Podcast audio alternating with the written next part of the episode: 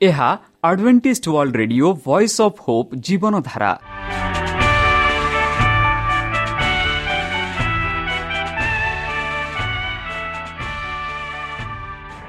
Odia radio କାର୍ଯ୍ୟକ୍ରମ ଯାହା ଆମର ଆନ୍ତର୍ଜାତୀୟ ଆଘାତ କେନ୍ଦ୍ରରୁ ପ୍ରସାରଣ କରାଯାଉଛି ପ୍ରତିଦିନ ରାତି ନଅଟା ତିରିଶ ମିନିଟ୍ରେ।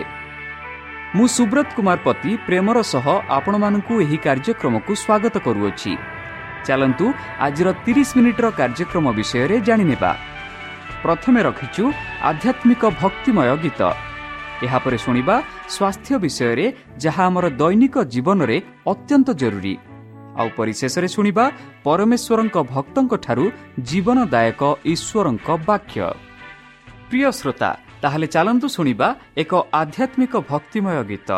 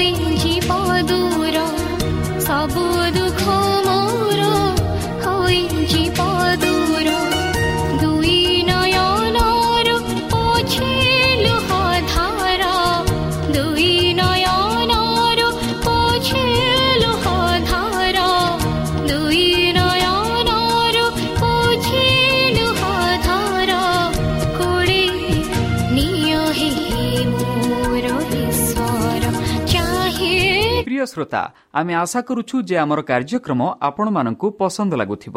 ଆପଣଙ୍କର ମତାମତ ଜଣାଇବା ପାଇଁ ଆମର ଏହି ଠିକଣାରେ ଯୋଗାଯୋଗ କରନ୍ତୁ।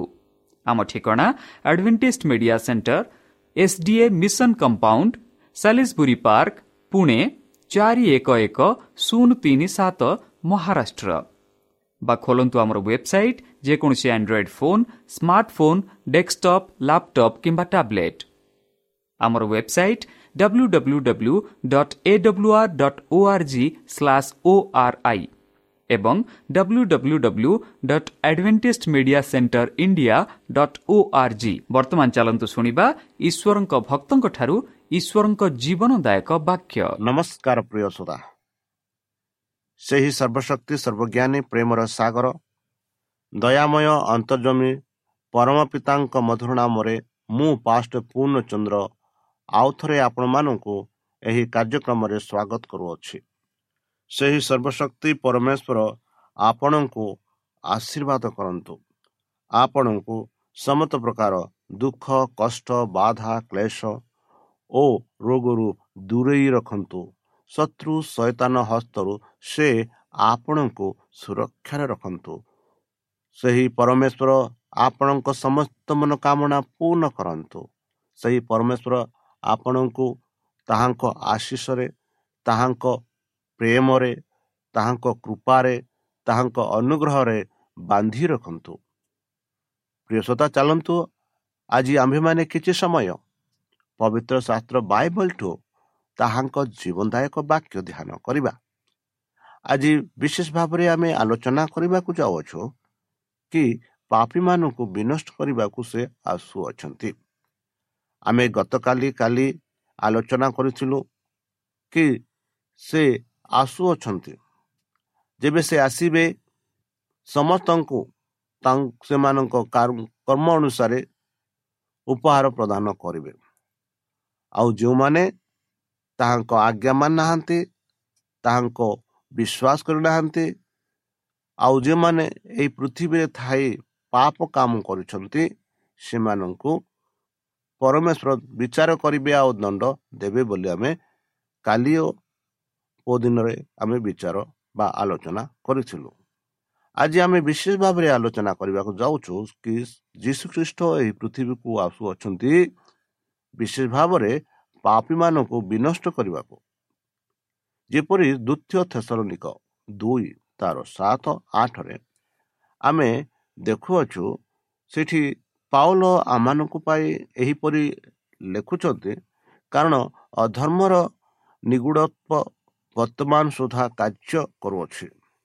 ବାଧା ହେଉଥିବା ବ୍ୟକ୍ତି ଦୂରୀକୃତ ନ ହେବା ପର୍ଯ୍ୟନ୍ତ ତାହା କାର୍ଯ୍ୟ କରୁଥିବ। ବନ୍ଧୁ ଆମେ ଯେ ବର୍ତ୍ତମାନ ଯେଉଁ ପୃଥିବୀରେ ବାସ କରୁଅଛୁ ଆମ ଚାରିପଟେ ଅଧର୍ମର କାର୍ଯ୍ୟ ଭରି ରହିଅଛି। ହୋଇପାରେ ଆମ ଘର ପାଖରେ ହୋଇପାରେ ଆମ ସମାଜରେ ହୋଇପାରେ ଆମ ଦେଶରେ ଯାହା ଅଧର୍ମ କାର୍ଯ୍ୟ ଗୁଡ଼ାକ ପରିପୂର୍ଣ୍ଣ ରହିଅଛି ବର୍ତ୍ତମାନ ସୁଦ୍ଧା ସେ କାର୍ଯ୍ୟ ଚାଲିଅଛି ବୋଲି ପାଉଲ ଆମମାନଙ୍କୁ କହୁଅଛନ୍ତି। ଆଉ ତାହା ବିନା ଯଦି ଆମେ ନିଜେ ଯଦି ଦେଖିବା ଆମ ପ୍ରତିଦିନ ଖବର କାଗଜରେ ପ୍ରତିଦିନ ଟେଲିଭିଜନ ଖବରରେ ଆମେ ଦେଖୁ କିପରି କାର୍ଯ୍ୟ ଗୁଡ଼ାକ ଆମ ଦେଶରେ ଚାଲିଅଛି। ଏଥି କାରଣରୁ ପାଉଲ ଶେଷରଣୀକୁ ଏହିପରି ଚିଠି ଲେଖନ୍ତି କାରଣ ଅଧର୍ମର ନିଗୁଡ଼ତ୍ୱ ବର୍ତ୍ତମାନ ସୁଦ୍ଧା କାର୍ଯ୍ୟ କରୁଅଛି। ବାଧା ହେଉଥିବା ବ୍ୟକ୍ତି ଦୂରୀକୃତ ନ ହେବା ପର୍ଯ୍ୟନ୍ତ ତାହା କାର୍ଯ୍ୟ କରୁଥିବ। ତାହା ଆଗକୁ ଆମେ ଦେଖୁ ସେତେବେଳେ ସେହି ଅଧର୍ମ ପୁରୁଷ ପ୍ରକାଶିତ ହେବ। ତାହାକୁ ପ୍ରଭୁ ଯୀଶୁ ଆପଣା ମୁଖର ନିଶ୍ୱାସ ଦ୍ୱାରା ସଂହାର କରିବେ ଓ ଆପଣା ଆଗମନର ପ୍ରକାଶ ଦ୍ୱାରା ବିନାଶ କରିବେ। ବନ୍ଧୁ ଆଠ ପଦରେ ଆମେ କେତେ ସୁନ୍ଦର ଭାବରେ ସେହି ଈଶ୍ୱରଙ୍କ ବାକ୍ୟ ପାଉଅଛୁ। ପାଉଲଙ୍କ ଦ୍ୱାରା ସେ କହନ୍ତି ସେତେବେଳେ ସେହି ଅଧର୍ମ ପୁରୁଷ ପ୍ରକାଶିତ ହେବେ। କିଏ ସେ ଅଧର୍ମ ପୁରୁଷ?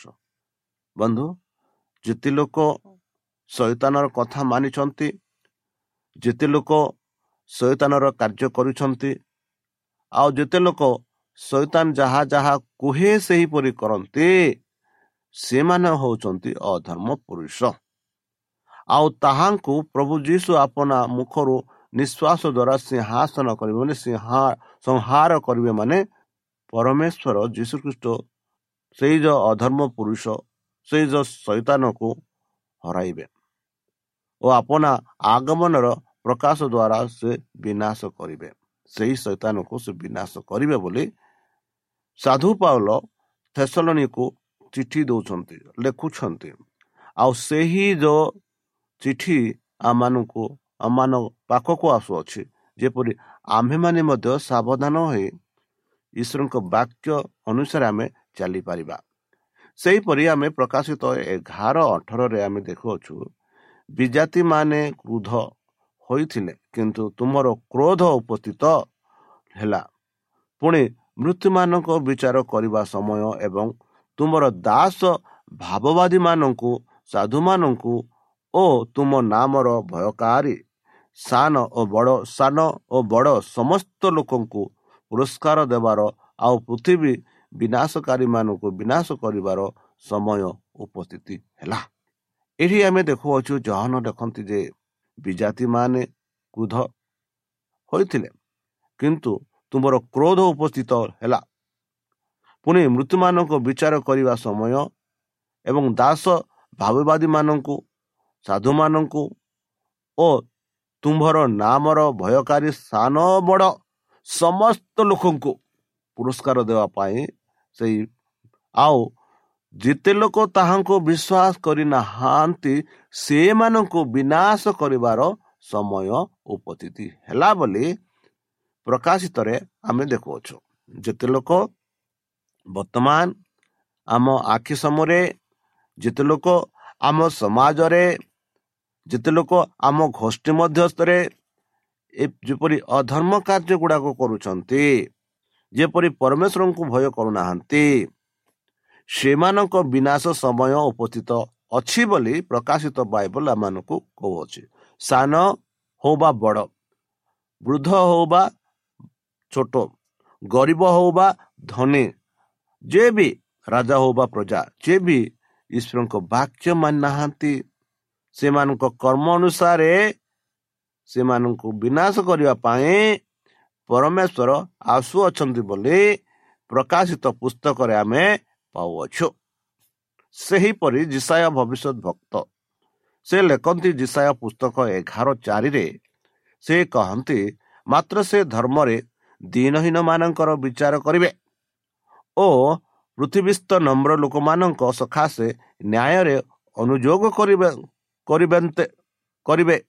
ପୁଣି ସେ ଆପଣା ମୁଖସ୍ଥିତ ଦଣ୍ଡ ଦ୍ୱାରା ପୃଥିବୀକୁ ଆଘାତ କରିବେ ଓ ଆପଣା ଓଷ୍ଟାଧାରର ନିଶ୍ୱାସ ଦ୍ୱାରା ଦୁଷ୍ଟକୁ ସଂହାର କରିବେ। ବନ୍ଧୁ ଜିସାୟ ଭବିଷ୍ୟତ ବକ୍ତା ସେ କହନ୍ତି ଧର୍ମରେ ପାପରେ ନୁହେଁ। ସେ ଧର୍ମରେ କାହାକୁ ଦିନହୀନ ମାନଙ୍କର ବିଚାର କରିବେ। ଦିନହୀନ ଲୋକମାନେ କିଏ? ଯେଉଁ ଲୋକମାନେ ଆଜିକାଲି ଆମ ଭାରତରେ ଆମ ଦେଶରେ ଅଛନ୍ତି ଯେଉଁମାନଙ୍କର କିଏ ନାହାନ୍ତି କିଏ ନାହାନ୍ତି ସେମାନଙ୍କୁ ସାହାଯ୍ୟ କରିବାର। ସେମାନଙ୍କୁ ଧର୍ମରେ ବିଚାର କରିବେ। ଓ ପୃଥିବୀସ୍ଥ ସମସ୍ତ ନମ୍ର ଲୋକମାନଙ୍କ ସକାଶେ ସେ ନ୍ୟାୟରେ ଅନୁଯୋଗ କରିବେ ବୋଲି ଆମେ ଦେଖୁଅଛୁ।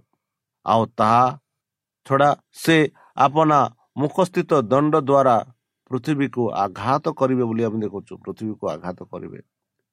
ଯେପରି ଯେତେ ଲୋକ ସେଇ ପୃଥିବୀରେ ପାପ କାମ କରୁଅଛନ୍ତି ସେମାନଙ୍କୁ ଆଘାତ କରିବେ। ଓ ଆପଣା ଓଷ୍ଟାଧାରର ନିଶ୍ୱାସ ଦ୍ୱାରା ଦୁଷ୍ଟକୁ ସଂହାର କରିବେ। ଦୁଷ୍ଟ ଲୋକମାନଙ୍କୁ ସଂହାର କରିବେ ମାନେ କ୍ଷତି କରିବେ ମାରିଦେବେ ସେମାନଙ୍କୁ ଦଣ୍ଡ ଦେବେ ବୋଲି ଆମେ ପାଉଅଛୁ। ବନ୍ଧୁ ତାହେଲେ ଆମର କର୍ତ୍ତବ୍ୟ ହେଉଛି କି ଆମେ ନିଜକୁ କିପରି ସତର୍କ ରଖିବା କିପରି ଶୈତାନ ହସ୍ତରୁ ଆମେ ଦୂରରେ ରହିବା ଏହା ଆମର ଚେଷ୍ଟା କରିବା ଉଚିତ। ସେହିପରି ପ୍ରକାଶିତ ଉଣେଇଶ ଏଗାର ଆଉ ଷୋହଳରେ ଆମେ ପାଉଛୁ ଜହାନ ଏହିପରି ଲେଖନ୍ତି ଆଉ କହନ୍ତି ତତ୍ପରେ ମୁଁ ସ୍ୱର୍ଗକୁ ଉନ୍ନୁକ୍ତ ଦେଖିଲି। ଆଉ ଦେଖ ଗୋଟିଏ ଶ୍ଵେତବର୍ଣ୍ଣ ଅଶ୍ଵ ବାହାର ଆରୋହୀଙ୍କ ନାମ ବିଶ୍ୱସ୍ତ ସତ୍ୟ। ସେ ନ୍ୟାୟ ରୂପେ ବିଚାର ଓ ଯୁଦ୍ଧ କରି କରନ୍ତି। ତାହାଙ୍କ ବସ୍ତ୍ରରେ ତାହାଙ୍କ ଜଙ୍ଗ ଦେଶରେ ଏହି ନାମ ଲିଖିତ ଅଛି। ରାଜାମାନଙ୍କର ରାଜା ଓ ପ୍ରଭୁମାନଙ୍କର ପ୍ରଭୁ। ବନ୍ଧୁ ଯାହା ଆମେ ପ୍ରକାଶିତ ଉଣେଇଶ ଏଗାର ଆଉ ଷୋହଳରେ ଦେଖିଲୁ କି ଜହନ ଏକ ଦର୍ଶନ ଦେଖୁଛନ୍ତି। ଆଉ ସେଇ ଦର୍ଶନରେ କ'ଣ ଦେଖୁଛନ୍ତି? ସେ ଦେଖନ୍ତି ଗୋଟିଏ ଶ୍ଵେତବର୍ଣ୍ଣ ଅଶ୍ଵ ମାନେ ଘୋଡ଼ା। ତାହାର ଆରୋହିକ ନାମ ବିଶ୍ୱସ୍ତ। ଯେଉଁ ବ୍ୟକ୍ତି ସେଇ ଘୋଡ଼ା ଉପରେ ବଛନ୍ତି ତାହାଙ୍କ ନାମ ହେଉଛି ବିଶ୍ୱସ୍ତ ଓ ସତ୍ୟ। ଆଉ ସେ ନ୍ୟାୟ ରୂପେ ବିଚାର ଓ ଯୁଦ୍ଧ କରନ୍ତି। ସେ ଅନ୍ୟାୟ ରୂପେ ନ୍ୟାୟ କରନ୍ତି ନାହିଁ କି ଯୁଦ୍ଧ କରନ୍ତି ନାହିଁ ବୋଲି କହୁଛନ୍ତି। ଓ ତାଙ୍କର ବସ୍ତ୍ରରେ କ'ଣ ଲେଖା ହେଉଛି ତାହାଙ୍କ ଜଙ୍ଗ ଦେଶରେ କ'ଣ ଲେଖା ହେଉଛି ରାଜା ମାନଙ୍କର ରାଜା ପ୍ରଭୁ ମାନଙ୍କର ପ୍ରଭୁ। ରାଜା ମାନଙ୍କର ରାଜା ପ୍ରଭୁ ମାନଙ୍କର ପ୍ରଭୁ ବୋଲି ଲେଖାଯାଇଅଛି ବୋଲି ଆମେ ଜହନଙ୍କ ଲିଖିତଙ୍କ ଦ୍ୱାରା ଆମେ ଦେଖୁଅଛୁ। ବନ୍ଧୁ। ମାଥ୍ୟୁ ପଚିଶ ଏକତିରିଶରେ ଆମେ ଦେଖୁଅଛୁ ଏହିପରି ମନୁଷ୍ୟ ପୁତ୍ର ଯେତେବେଳେ ସମସ୍ତ ଦୂତଙ୍କ ସହିତ ସ୍ୱମହିମାରେ ଆଗମନ କରିବେ ସେତେବେଳେ ସେ ଆପଣ ଗୌରବମୟ ସିଂହାସନରେ ଉପସନ ବେଶ ଉପବେଶନ କରିବେ। ବନ୍ଧୁ ଏହି ପଦଟା ଆମେ ଅନେକ ଥର ଦେଖୁଅଛୁ। ଏହି ପଦ ଯଦି ଆପଣ ବୁଝିବାକୁ ଚେଷ୍ଟା କରିବେ ବହୁତ ଭଲ ଥିବ। ଯେହେତୁ ମାଥ୍ୟୁରେ ଯାହା ଆମକୁ କହୁଛି କି ସେହି ମନୁଷ୍ୟ ପୁତ୍ର ଯେତେବେଳେ ସେ ଆସିବେ ସେ ପ୍ରଥମରେ ଯେପରି ଆସିଥିଲେ ସେହିପରି ନୁହଁ ମାତ୍ର ତାଙ୍କ ସ୍ୱମହିମାରେ ଆଗମନ କରି ବୋଲି କହୁଛନ୍ତି। ଆଉ ସେତେବେଳେ ସେ ଆପଣଙ୍କ ଆପଣ ଗୌରବମୟ ସିଂହାସନରେ ବାସନ କରି ବୋଲି ଆମେ ଦେଖୁଅଛୁ। ବନ୍ଧୁ ସେହିପରି ଦାନିଏଲ ଦୁଇ ଚଉରାଳିଶରେ ଆମେ ପାଉଛୁ। ତହୁଁ ରାଜାକୁ ତାହାର ସ୍ୱପ୍ନ ଜଣାଇବା ନିମନ୍ତେ ରାଜା ମନ୍ତ୍ରଭେତା ଗଣକ ମାୟାବୀୟ କଲିଓମାନଙ୍କୁ ଡାକିଲା ଡାକିବା ପାଇଁ ଆଜ୍ଞା ଦେଲା। ଏଥିରେ ସେମାନେ ଆସି ରାଜାର ସମ୍ମୁଖରେ ଠିଆ ହେଲେ। ବନ୍ଧୁ ଆମେ ଯଦି ଦାନିଏଲ ଦୁଇ ପୁସ୍ତକ ଦୁଇ ପର୍ବ ଯଦି ପଢ଼ିବା ସେଇ ରାଜା ନଜର ଯେଉଁ ସ୍ୱପ୍ନ ଦେଖିଥିଲେ ଆଉ ସେଇ ସ୍ୱପ୍ନ ଦେଖିଲା ପରେ ସେଇ ସ୍ୱପ୍ନର ଅର୍ଥ ଜାଣିବା ପାଇଁ ସେ ଚେଷ୍ଟା କରିଥିଲେ କାରଣ ସେ ସ୍ୱପ୍ନ ଯାହା ସେ ଦେଖିଥିଲେ ସେ ସ୍ୱପ୍ନର ଭୁଲି ଯାଇଥିଲେ ଆଉ ସେ ସ୍ୱପ୍ନ କ'ଣ ଥିଲା ତାହା ଜାଣିବା ପାଇଁ ତାର ଅର୍ଥ ଜାଣିବା ପାଇଁ ତାହାଙ୍କ ରାଜ୍ୟର ସମସ୍ତ ମାୟାବୀ ମାନଙ୍କୁ କଲିୟମାନଙ୍କୁ ଡାକି କହିଲେ କି ସେଇ ସ୍ୱପ୍ନର ଅର୍ଥ କ'ଣ ବୋଲି? ଏହିପରି ଦାନିଏଲ ଦୁଇ ଚଉରାଳିଶରେ ଆମେ ଦେଖୁ ତୁ ରାଜାକୁ ତାହାର ସ୍ୱପ୍ନ ଜଣାଇବା ନିମନ୍ତେ ରାଜା ମନ୍ତ୍ରବେତା ଗଣକ ମାୟାବୀ ଓ କଲିୟ ମାନଙ୍କୁ ଡାକିବା ପାଇଁ ଆଜ୍ଞା ଦେଲା।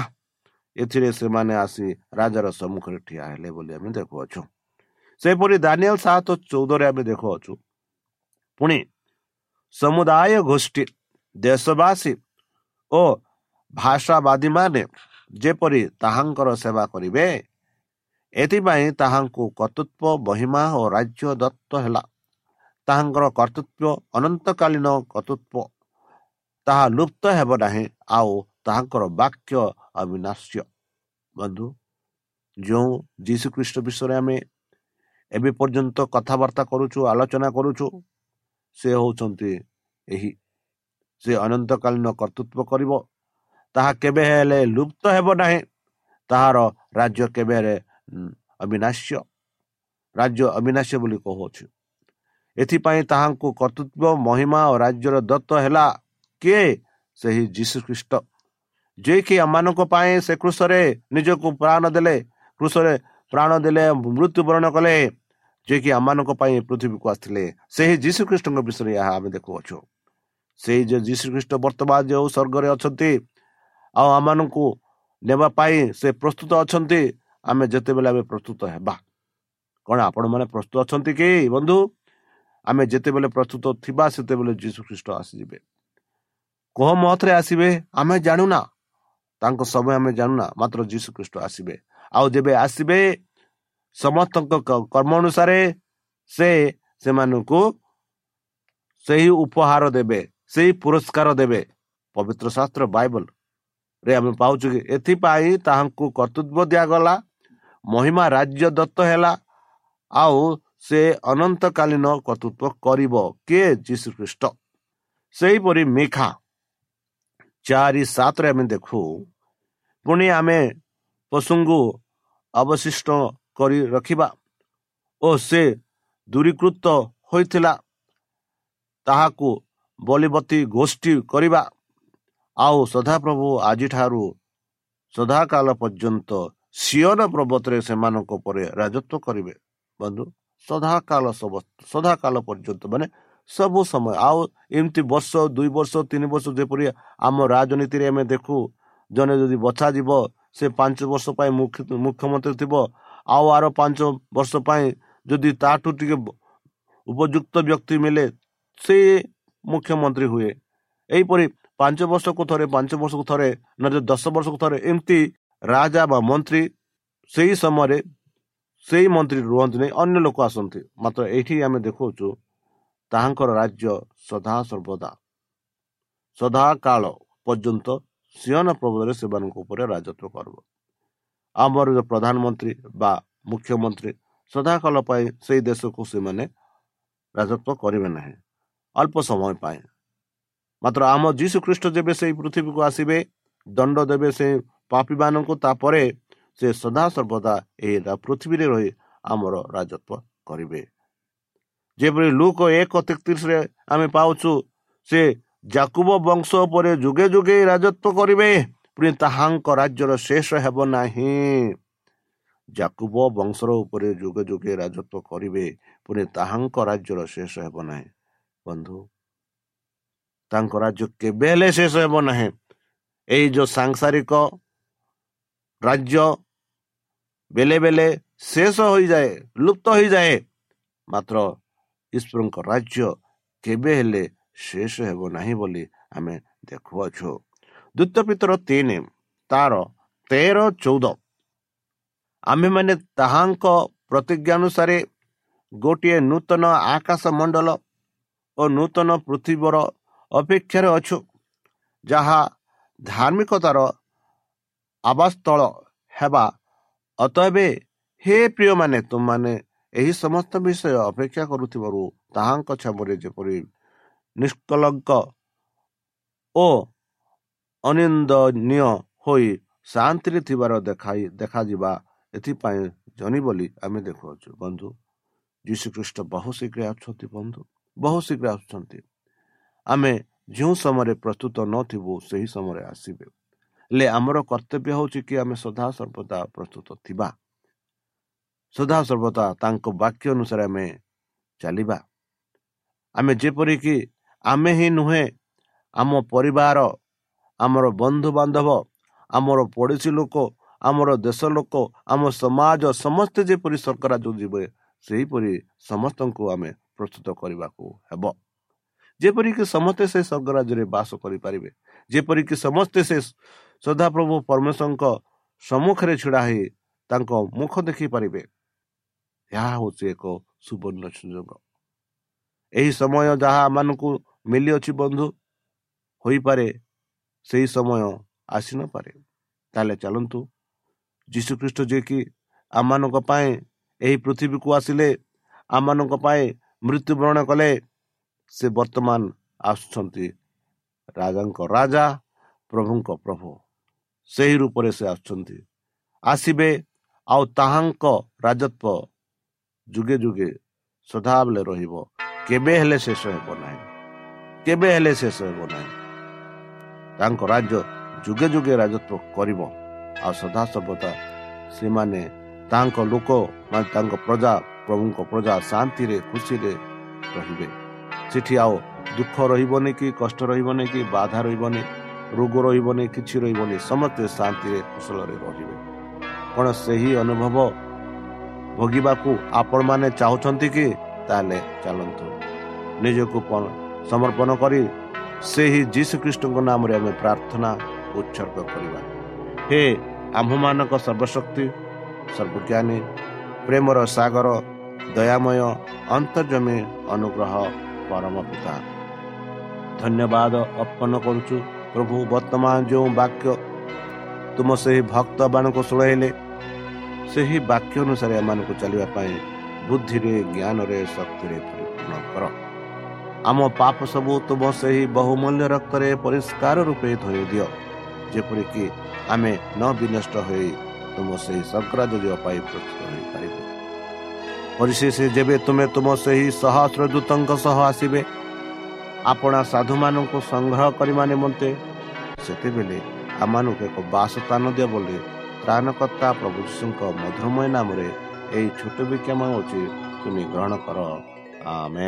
ପ୍ରିୟ ଶ୍ରୋତା ଆମେ ଆଶା କରୁଛୁ ଯେ ଆମର କାର୍ଯ୍ୟକ୍ରମ ଆପଣମାନଙ୍କୁ ପସନ୍ଦ ଲାଗୁଥିବ। ଆପଣଙ୍କର ମତାମତ ଜଣାଇବା ପାଇଁ ଆମର ଏହି ଠିକଣାରେ ଯୋଗାଯୋଗ କରନ୍ତୁ। ଆମ ଠିକଣା Adventist Media Centre SDA mission compound Salisbury Park Pune ଚାରି ଏକ ଏକ ଶୂନ ତିନି ସାତ ମହାରାଷ୍ଟ୍ର। ବା ଖୋଲନ୍ତୁ ଆମର ୱେବସାଇଟ୍ ଯେକୌଣସି Android phone smartphone desktop laptop କିମ୍ବା ଟ୍ୟାବ୍ଲେଟ୍ ଆମର website W W W dot A W R dot O R G slash O R I ଏବଂ W W W dot Adventist Media Centre India dot O R G Adventist Media Centre ଇଣ୍ଡିଆର spelling ହେଉଛି A D V E N T I S T M E D I A C E N T R E I N D I A ଅଥବା download କରନ୍ତୁ ଆମର mobile app ଆପଣଙ୍କର mobile play ଷ୍ଟୋରକୁ ଯାଆନ୍ତୁ ଆଉ type କରନ୍ତୁ the Voice of Hope ଆଉ download କରନ୍ତୁ ଈଶ୍ୱର ଆପଣଙ୍କୁ ଆଶୀର୍ବାଦ କରନ୍ତୁ ଧନ୍ୟବାଦ